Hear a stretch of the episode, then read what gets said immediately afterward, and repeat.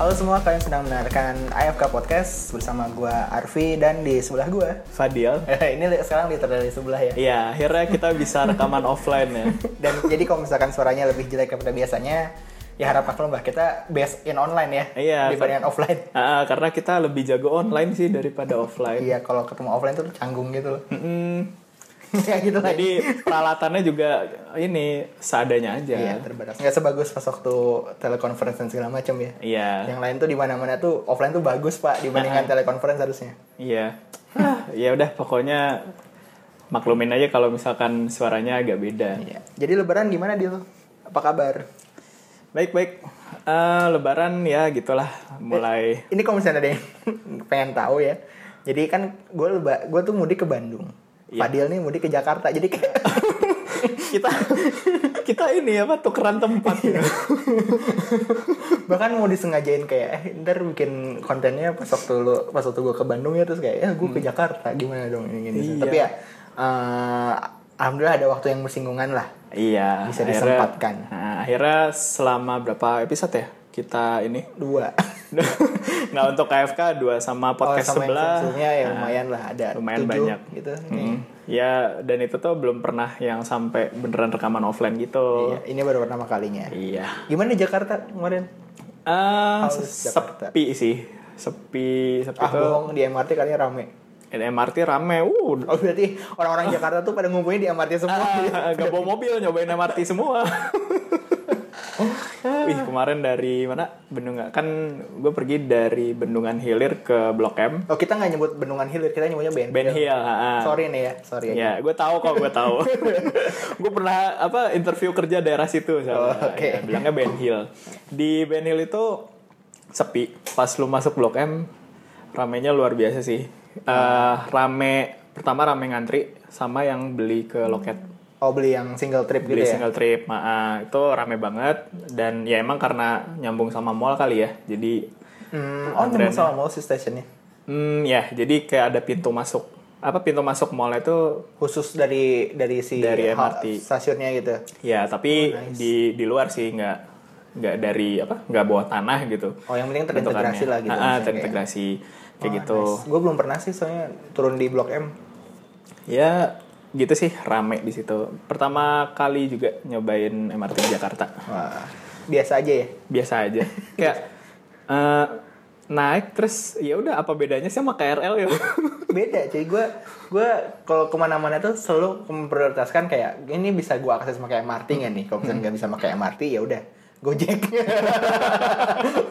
nggak maksud gue kayak itu kan sama aja gitu loh kereta ya kereta juga cuma mungkin Iya. aksesnya lebih cepat aja aksesnya lebih cepat sama ini karena harganya kan masih relatif lumayan mahal dibandingkan KRL ya betul jadi kalau misalnya hari-hari biasa gitu tuh nggak nggak sepenuh sepadat KRL gitu dan dan gue sih kayak punya teori gitu loh kayak pokoknya gue kalau misalnya pergi a- lintas Jakarta doang usahakan gue pakai transportasi yang memang lintas Jakarta gitu jangan Yeah. sampai gue pakai transportasi yang menyambungkan kota lain ke Jakarta gitu karena Yeah. masanya beda masanya udah beda gitu nam- nambah kayak kalau misalnya KRL kan ada yang dari Bogor ada yang dari Bekasi ada yang dari Tangerang segala macamnya gitu kan kayak aduh sumpek dan segala macam gue nggak pengen jadi pepes gitu kerasa sih emang Eh, dulu kan pernah juga turun di Bekasi ya karena diajak makan awalnya mau ke Jakarta ke Jatinegara terus diajakin temen ini ke Bekasi ayolah mampir dulu gitu terus pas ke Jakarta lagi ya kerasa gitu loh Iya. KRL antar KRL tuh kayak wah rame emang selalu ada gerbong yang kosong tapi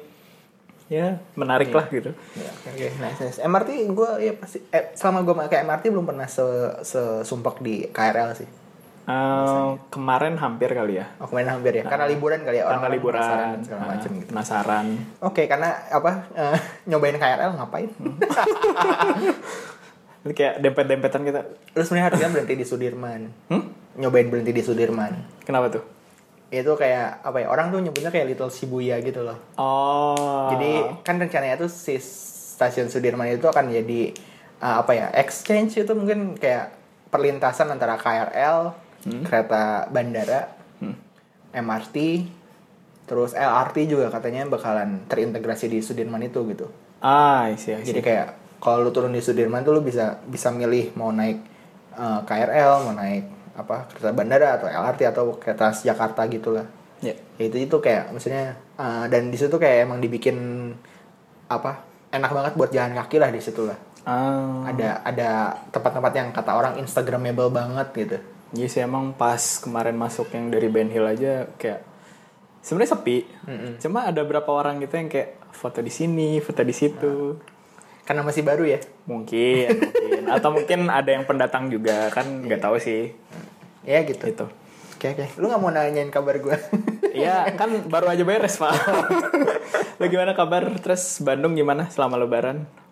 ya mengikuti agenda keluarga aja ya Ah. yang penting gitu kan untungnya gue bawa switch Hmm. jadi nggak nggak bete nggak apa segala macem lah Oh. gitu kan karena kan ke Bandung berarti gue harus lepas dari internet broadband gue nggak bisa seenak jidat streaming apapun yang nggak jelas itu harus gue kalkulasiin gue pemakaian kuota berapa dan segala macam ini tuh Ya.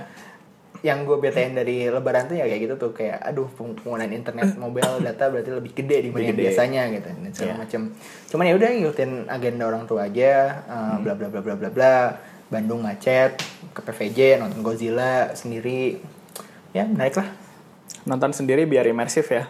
nonton sendiri karena kalau misalkan ngejak orang tuh Diajak ngobrol. PHP-nya banyak gitu kayak oh iya iya ini jam segini ya enggak nggak bisa gue nah iya itulah Hmm. enakan nonton sendiri nonton Tapi lebih lebih imersif juga nggak sih? Kayak kita beneran menikmati.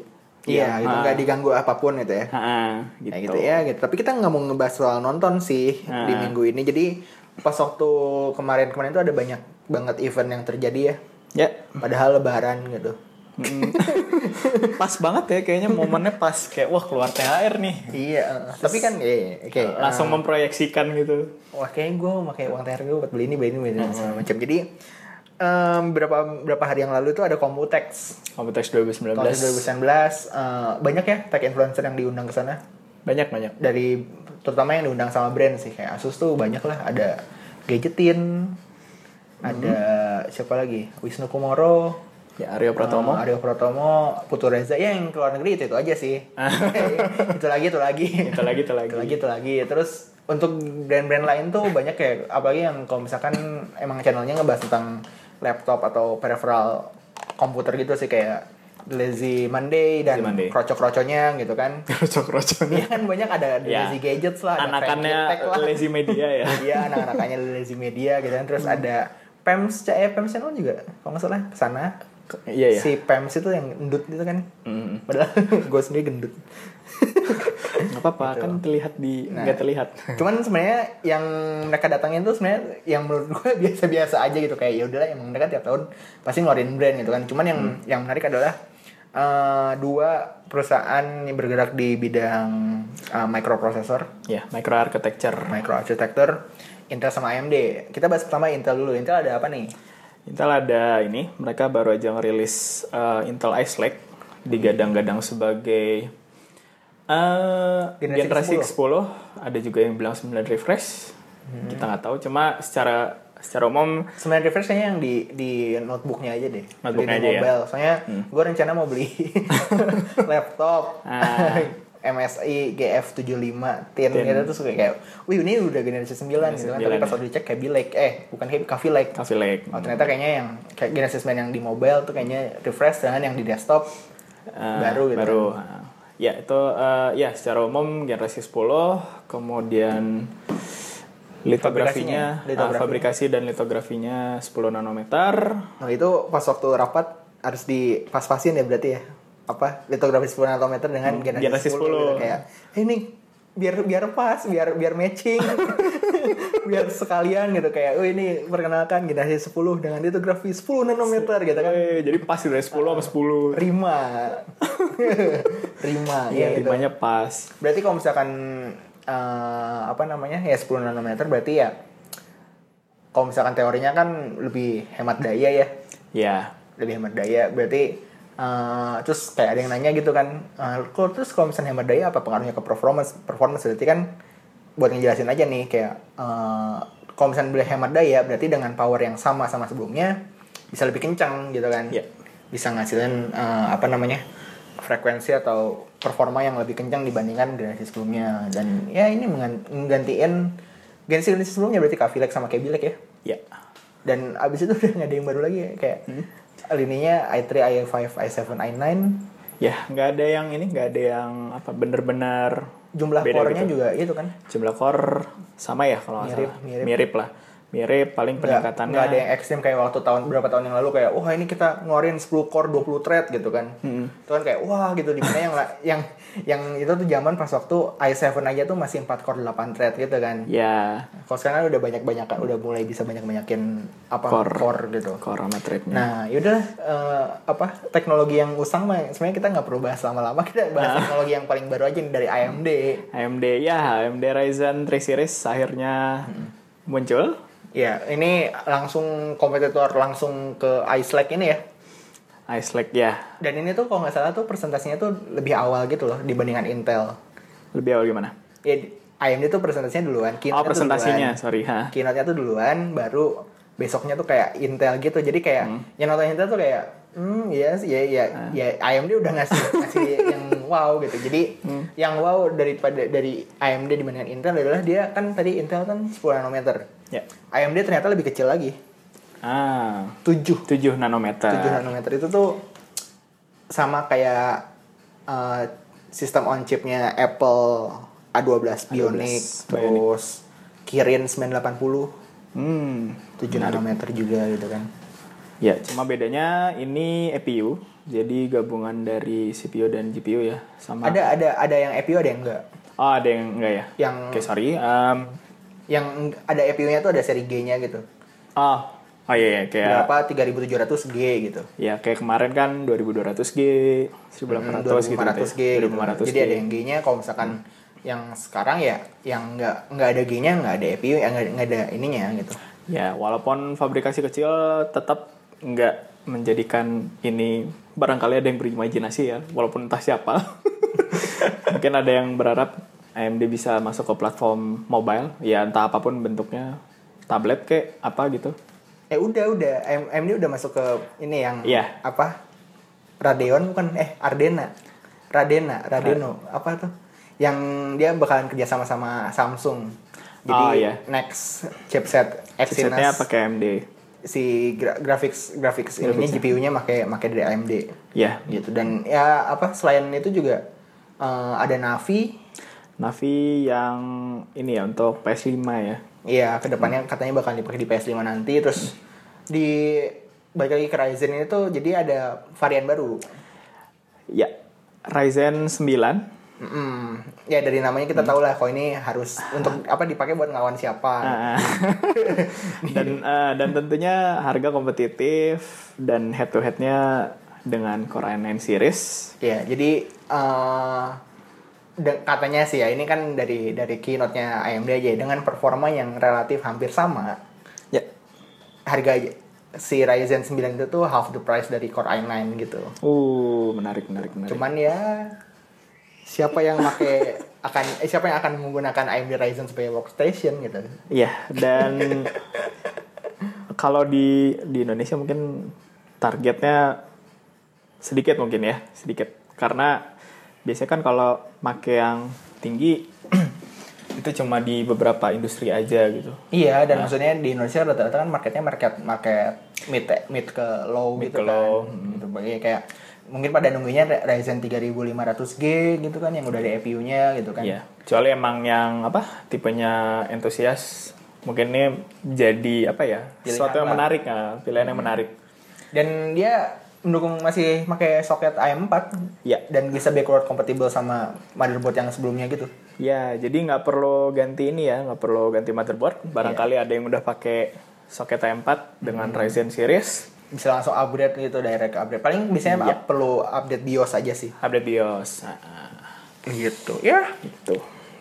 apa namanya eh gue sih nggak terlalu nungguin sih soalnya kayak gue udah nggak terlalu m- melihat banget apa eh komputer hardware secara mendalam itu soalnya kayak ya udah gara-gara gara-gara AMD Ryzen keluar kan sekarang udah pada main perang-perangan banyak-banyakan core gitu itu aja gitu kayak apa eh ini gue bisa 6 core 12 thread gue juga bisa 6, core 12 thread dan segala macam itu dan dan apa namanya eh kayak nggak bikin rame si scene-nya gitu maksudnya tetap aja yang rame tuh ya s- apa dari sit- skena mobile atau misalnya dari skena konsol gitu untuk kalau misalnya masalah masalah tentang gaming segala macam gitu jadi kayak ya kalau misalnya pu- apa masalah prosesor sih ya pasti eh, tahun depan pasti akan ada yang lebih bagus lagi ada yang lebih baru lagi gitu kan sesuai dengan apa teori dari more ya eh, Eh, more slow more slow more slow paling nggak 18 18 bulan sekali tuh ada yang lebih baru lebih bisa Kecil, jadi lebih kecil nah, dan eh. apa aplikasinya ya performanya lebih cepat Nah, terus ini eh, keduanya mau dikenalin di eh, 2019 pertengahan. pertengahan Jadi jadi kuartal 3 Iya. Kalau misalnya ada yang awal mau lah ya Hmm. ngerakit PC gitu kan, mau main GTA 5 60 fps 4K. Apalagi dengan mod-mod dan tambahan dan segala macamnya atau mungkin apa game PC yang kedepannya bakal menarik apa ya? emangnya? apa ya belum menemukan judul yang ini sih Kan kayak PS4 kan ada orang, wah gue nungguin Death Stranding, Death Stranding, gue ya. nungguin Last of Us 2. Iya. Kayak eh, Nintendo Switch, gue nungguin Pokemon. Ya, Pokemon Sword and Shield. Tapi eh, kalau dilihat dari judul sih belum ada yang menarik ya sampai sekarang. sih nggak Eh, RDR 2 nggak kan nggak akan RDR 2. RDR 2 nggak akan rilis di PC jadi kayak ya udahlah jadi kalau misalnya ada yang mungkin pengen rakit PC gitu eh, pengen pakai prosesor yang lebih fresh lebih baru ya nungguin aja mungkin masuk sini kuartal 3 Kuartal 3 awal. Indonesia lah ya Perkiraan. nah, karena kan mereka bilangnya di summer 2019. Dan ya jadi eh, untuk Intel sama AMD ini juga ya untuk Ice Lake dan Ryzen 3000 series itu di summer 2019 dan holiday 2019. gue gue lebih nungguin kayak GPU GPU AMD yang bakal ditanam di Exynos sih Hmm, ya menarik.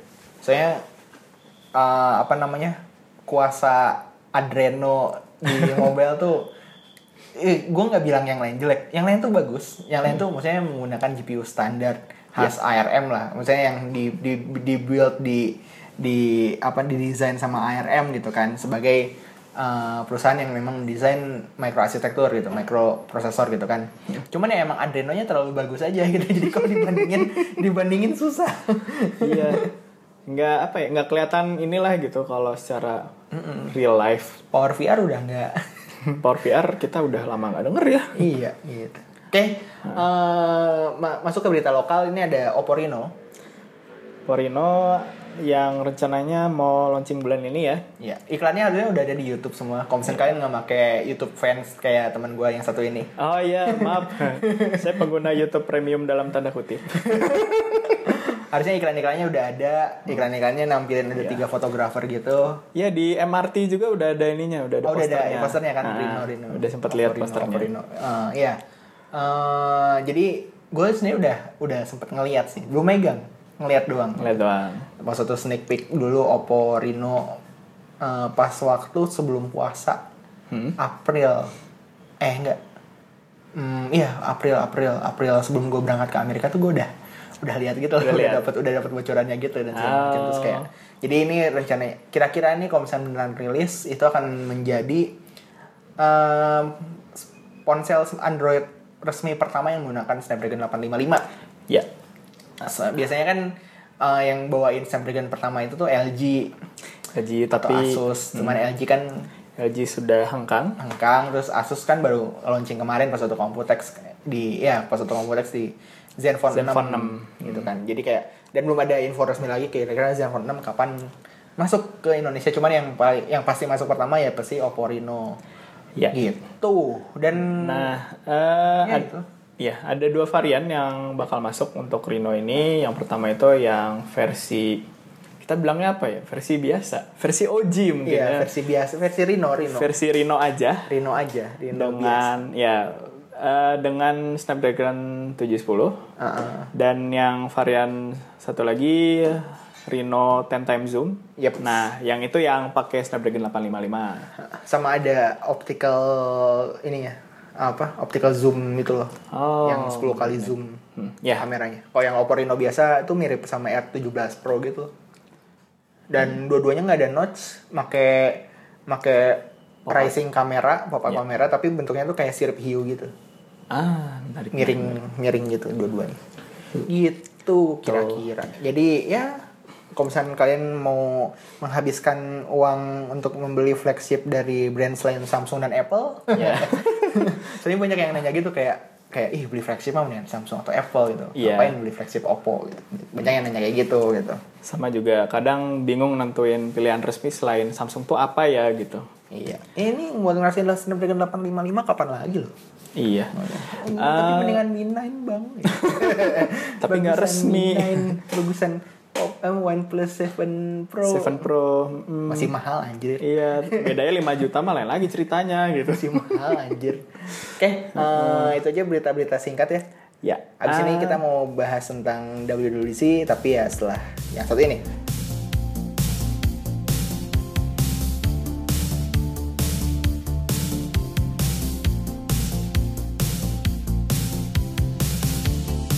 I used to be the one.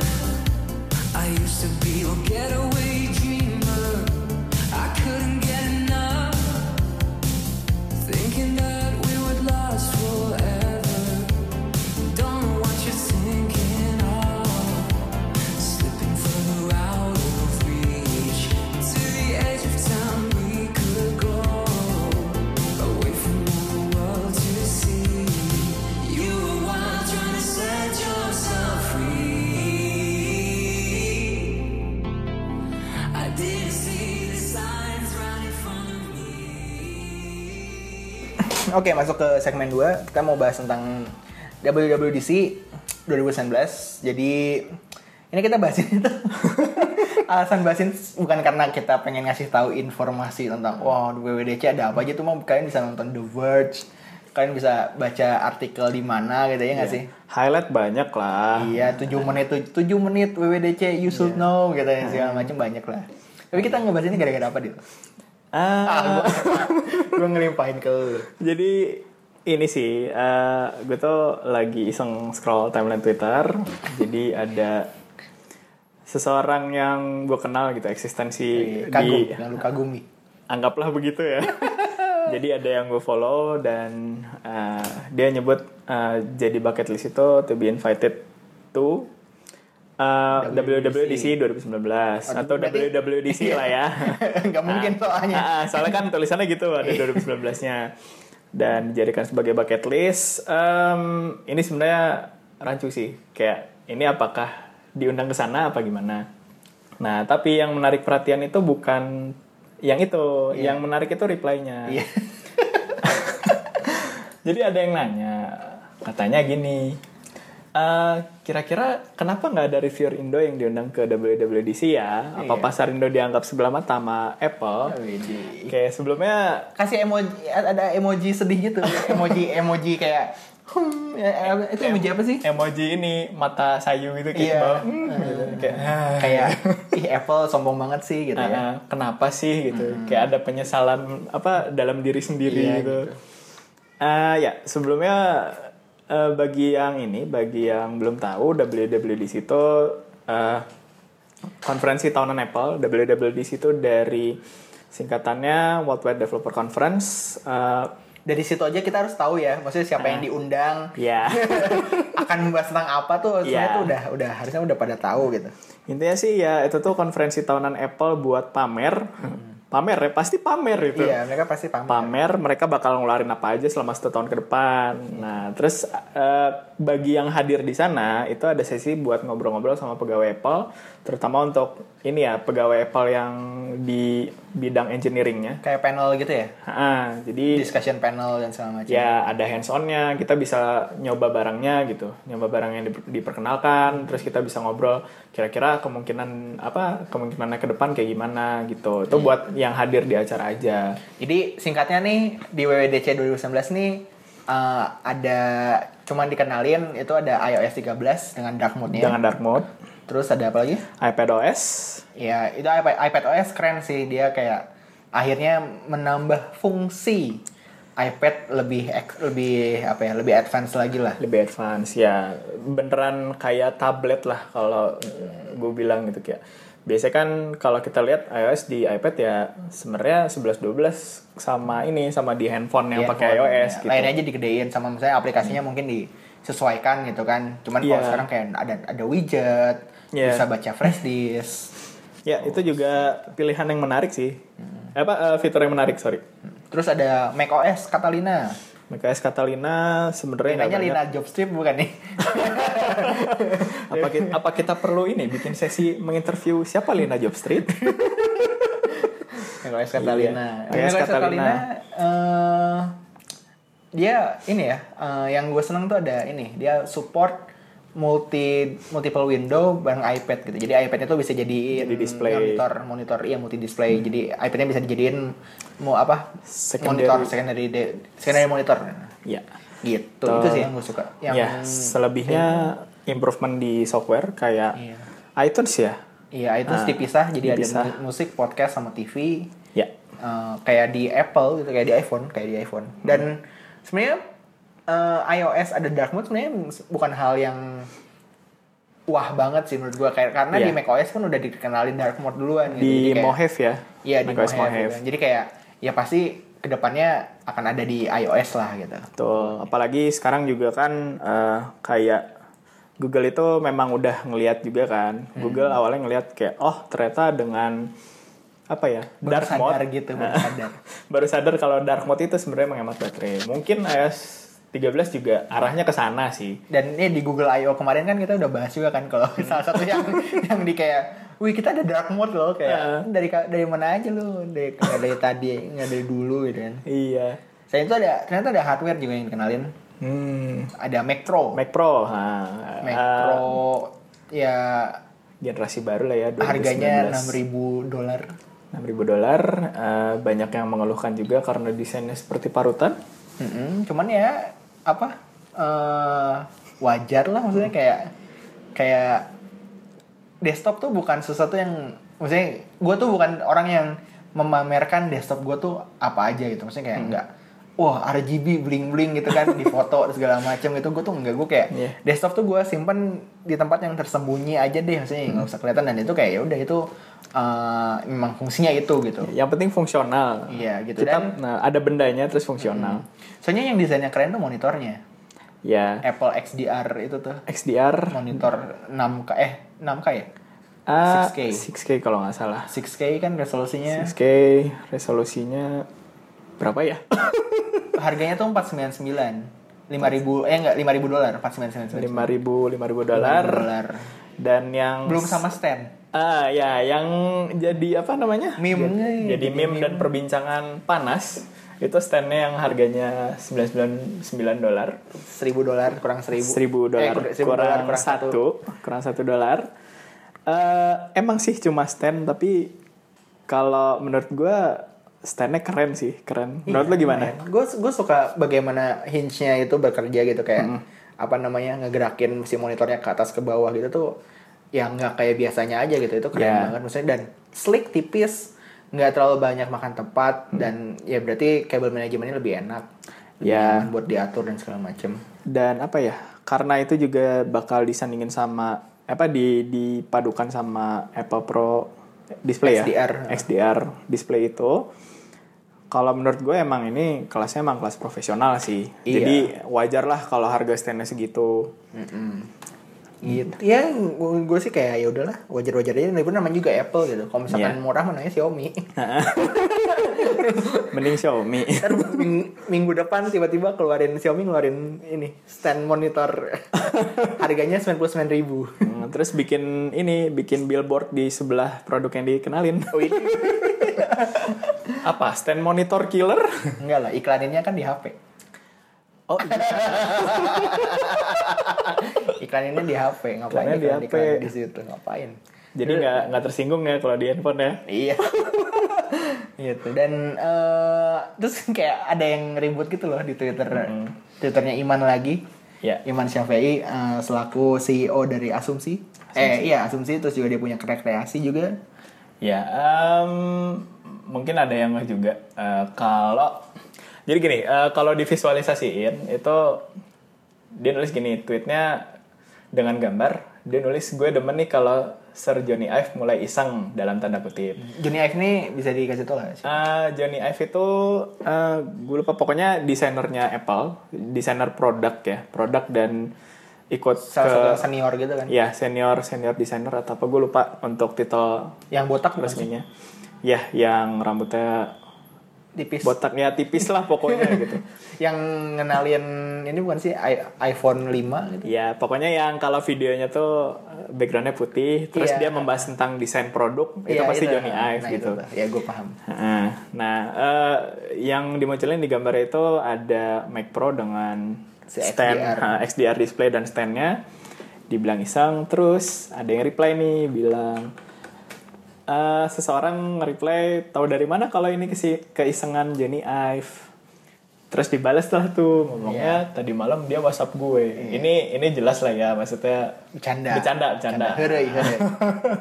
nah tapi yang ini tuh yang ini yang eh, gue seneng ke bawahnya ini loh yang menarik gitu.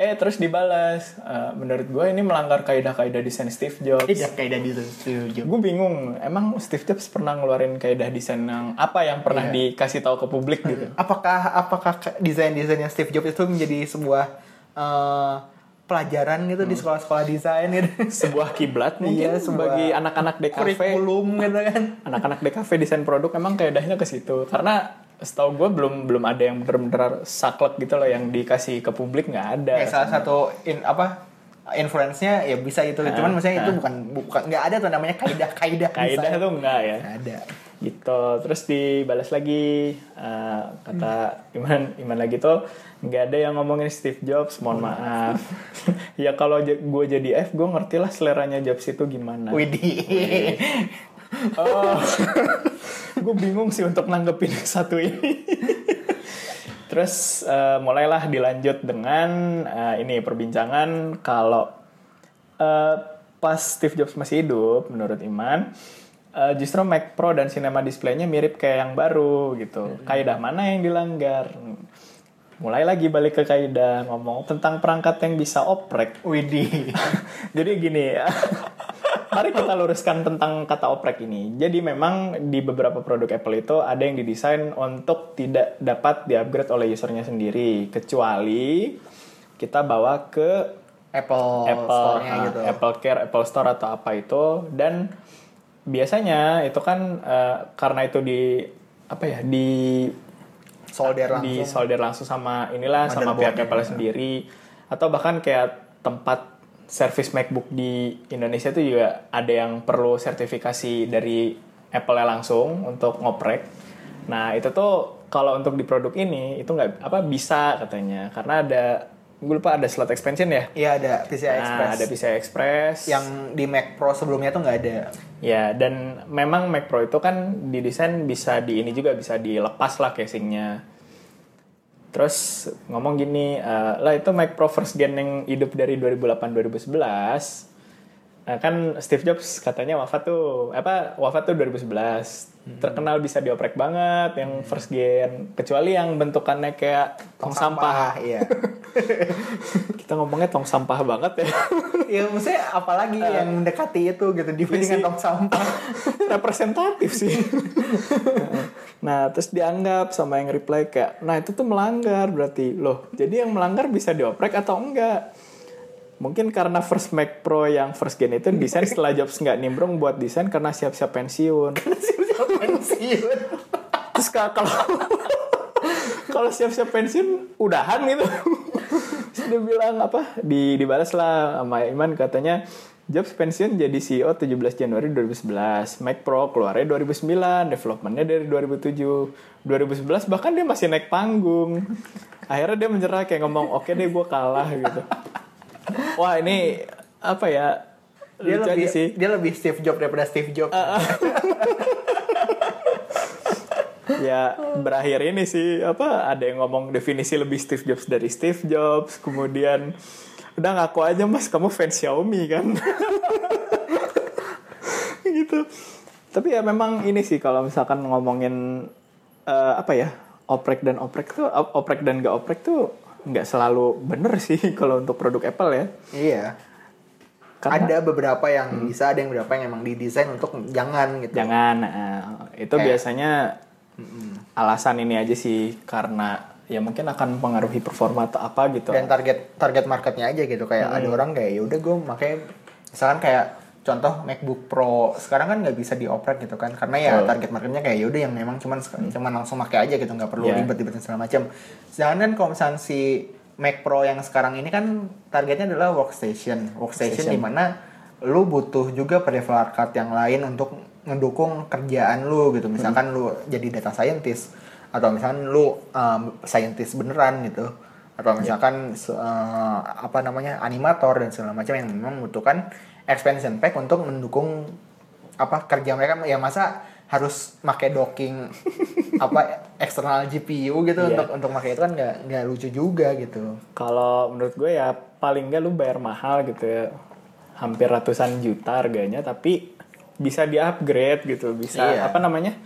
eh, nggak cuma beli terus ini gitu, nggak nggak cuma beli terus ya udah jadi barang itu aja selama-lamanya gitu. Dan apa ya? Ya memang kalau ngomongin oprek dan oprek itu kembali ke ini nggak sih? Kan Apple tuh selalu bilang kayak it's just work iya Iya, it's- just work. Terus, ya tapi kan tetap aja kalau untuk gue juga mungkin kalau misalkan bisa beli Mac Pro gitu, gue juga mungkin akan berpikir dua apa berpikir ulang untuk ngomongin masa depannya gitu loh. Iya. Ini kira-kira kalau nggak bisa diapa-apain, ini mau sampai kapan hidupnya gitu, Hmm. masa hidupnya? tapi ya kalau misalkan MacBook Pro gitu kayak ya udah kan setiap tahun kan ada generasi ada ada Iya. Hmm. lini barunya kan pakai prosesor yang lebih baru dan segala macam. Sedangkan kan si Mac Pro ini emang ya itu tadi kita baca kan kalau misalkan Mac Pro first gen aja tuh dari 2008 sampai 2011 gitu. Ya. Mas waktunya lama abis itu diganti sama Mac Pro yang kayak Tong sampah. tong sampah itu sampai baru muncul lagi Mac Pro sekarang gitu. Mm-mm. Bahkan yang Mac Pro sampah tuh 2013 kalau nggak salah. Oh iya. 2013 Hmm. sampai sekarang gitu baru keluar Mac Pro yang generasi baru gitu kan jadi Iya. memang karena adanya dukungan expansion pack ya berarti emang Hmm. harusnya tujuannya pas itu sedangkan kalau MacBook Pro kan Hmm. eh, tiap tahun kan ada baru ada yang baru terus Ya, paling nggak untuk rentang 6 tahun pasti ya Mac Pro ini dipikirin lah untuk ininya gitu. Ya, Fungsi gitu dan masa depannya. nah kita balik lagi ke awal Ya. membahas mengenai influencer dan WWDC. WWDC Nah, kalau misalkan yang gue baca sih, Hmm. kayak lu orang biasa pun, eh atau jadi bukan orang biasa, misalnya kayak lu iseng-iseng daftar untuk ikutan WWDC pun bisa kan? Bisa, Iya kan? bisa. Ting- yang penting ah, butuh Apple ID nggak? Enggak. Maksudnya kayak- paling enggak lo dikenal sebagai seseorang yang cocok dengan event itu berarti kan developer itu dan yang penting tuh satu lo bisa bayar nggak buat ikut itu gitu Bayar dalam arti kesananya. pertama kesananya untuk acaranya juga gitu Oh, caranya juga bayar. kalau nggak salah bayar ada ada pasnya gitu Oh, ada. Ah, ada, pasnya THTM-nya. HTM-nya ada HTM-nya Ada HTM-nya. karena setahu gue ya gue ngikutin WWDC itu dari zaman iPhone 4 Hmm. dan itu tuh memang yang diundang tuh developer jadi nggak nggak heran lah kalau misalkan kita nonton WWDC terus keluar fitur iOS bisa begini gitu Hmm. terus muncul yang pas masuk iOS 7 si desain ikonnya berubah Ah. kan banyak yang tepuk tangan itu nggak mungkin kalau kata gue orang yang non teknis tuh ada di situ gitu yang beneran kayak paham oh ini ada ininya nih ya kan pasti yang diundang tuh developer desainer kayak gitu sih Mm-mm. Hmm, Atau enggak yang emang berkecimpung di du- di developer dunia developeran ya? betul Developer rumah gitu bisa. developer mah bisa Iya. asal ada duitnya Ada duitnya, gitu. Jadi sebenarnya mungkin mungkin aja ya kalau misalnya kayak gue sama lu gitu ke WWDC 2020 gitu katakan. Iya. Gitu. Saya bisa aja ya asal ada yang ngongkosin ya. ada yang ngokosin sama kita beneran perlu nggak sih datang ke sana gitu Ah, gitu.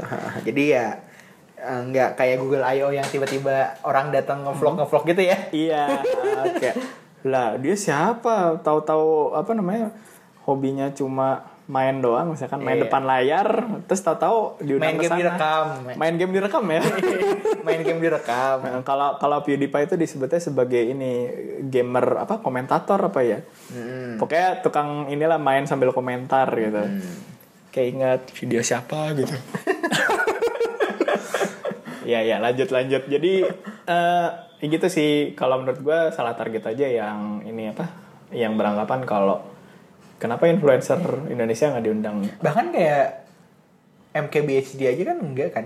Iya, walaupun diundang, gue yakin itu tuh sebagai media yang meliput aja dan itu memang dalam tahap ah dalam wilayah domestik nggak sih maksudnya ya Iya. itu kan di Amerika gitu di kan WW di sini di San Jose California jadi kalau menurut gue wajar lah kalau misalkan ada media yang diundang gitu Iya, kalau media diundang sih wajar-wajar aja karena publikasi kan. ya publikasi dan kalau influencer menurut gue nggak selamanya tepat sih Ya karena buat apa namanya buat market si influencernya juga bu- ngapain gitu. iya gitu.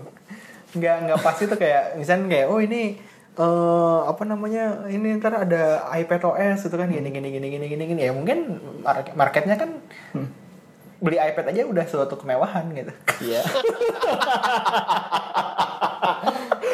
gue keluar duit banyak buat ini nih investasi ini. iya gitu misalnya nggak nggak nggak tepat aja Tapi apa ya? eh gue nggak tahu. Mungkin lo lebih sering ini kali ya berselancar di YouTube. Eh gue nggak apa namanya? Gue nggak pernah melihat ada influencer yang membahas gitu. Misalkan satu video gitu. Khusus untuk membahas apa yang keluar di WWDC selain yang media.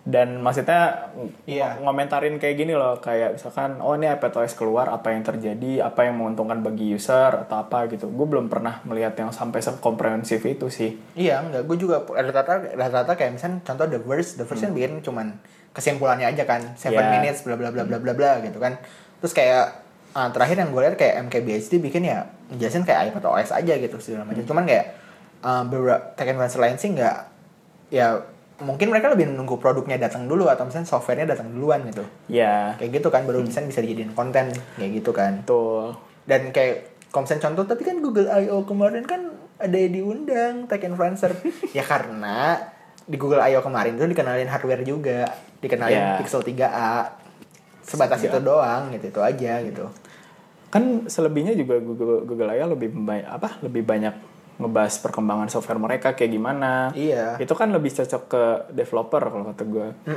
dan desainer untuk beberapa situasi lah misalkan sekarang ada apa namanya teknologi misalkan ada teknologi AR atau apa itu kan lebih menguntungkan bagi mereka yang praktisi para praktisi jadi kayak apa eh bukan karena nggak diundang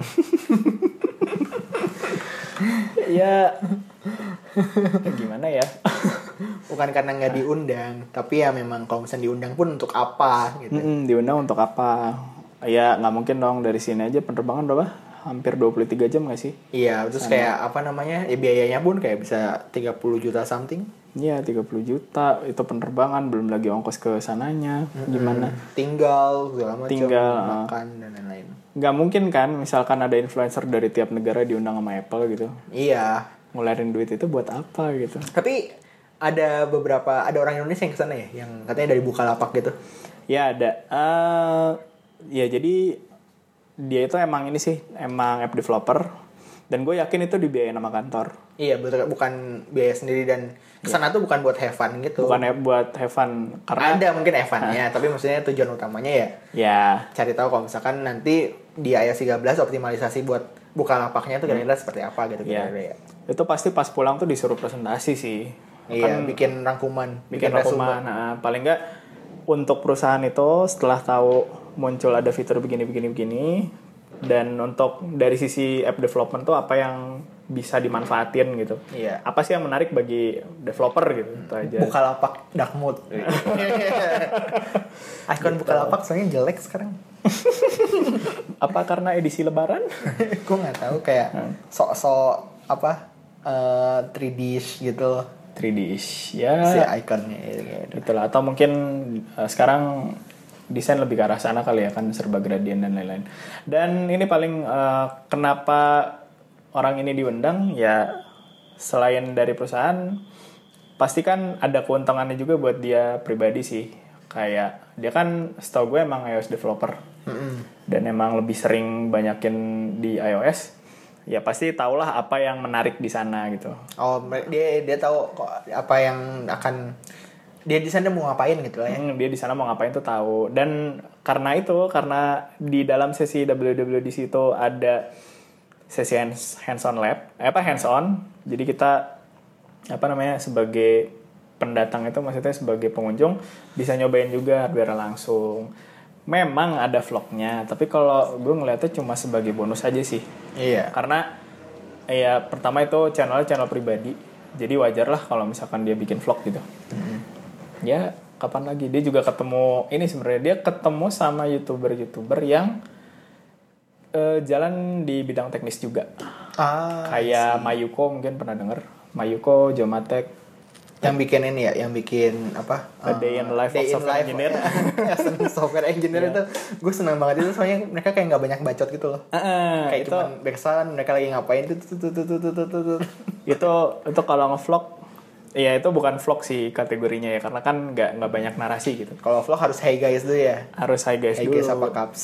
Mm, apa cups terus apa lagi sih pokoknya harus meriah gitu harus Hey what's up my friend gitu. harus harus tiap momen tuh ngobrol Jangan lupa subscribe karena subscribe itu gratis. Eh, Nah, ya kayak gitu kalau ini kan cuma ngeliatin oh begini loh eh, Kehidupan kehidupan sebagai software engineer sebagai orang yang tidak punya kehidupan.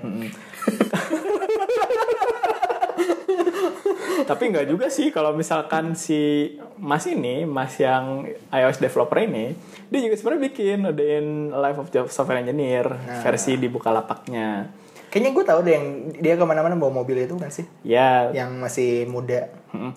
Tapi kan eh, narasinya tuh narasi di luar gitu loh, bukan pas dia lagi ngerekam terus ngomong.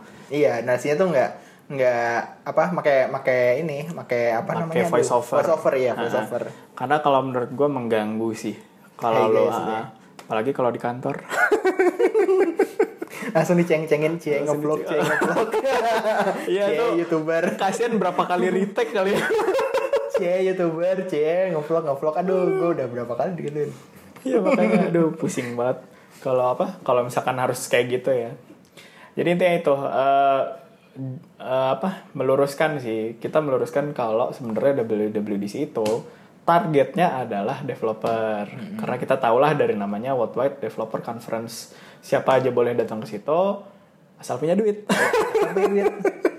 jadi belum nggak ada narasi kayak wah ini diundang gitu dari luar negeri misalnya ngundang-ngundang influencer luar gitu kan Ya makanya kayak wah kalau misalkan di apa namanya kalau diundang Apple bonafit banget sih ngundang orang dari ini kayak harus sepinter apa gitu. nah ini kita lihat lagi lihat ini nih harga tiket dari WWDC 2019 Iya. Em, harganya ini sebenarnya ada ada beberapa tipe ya kayak ada yang lottery, ada yang scholarship. Tuh bahkan masuk sini aja lotre loh. Hmm. Mm-mm. Kayak nonton JKT48.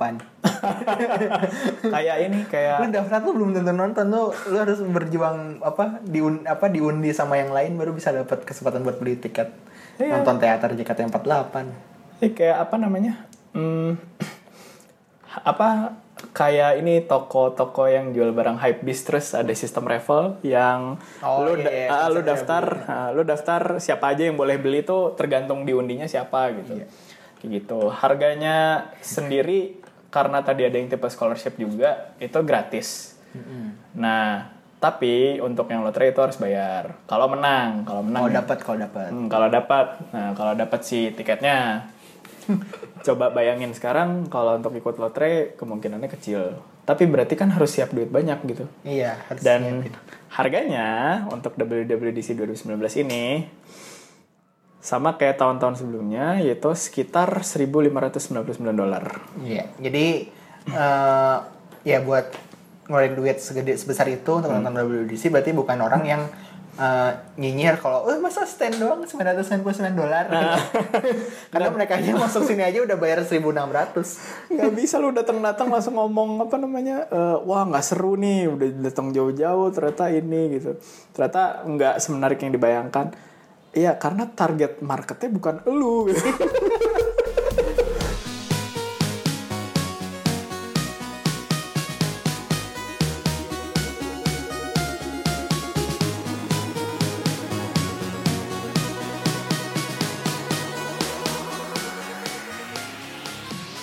Ya, itu tadi pembahasan mengenai WWDC 2019.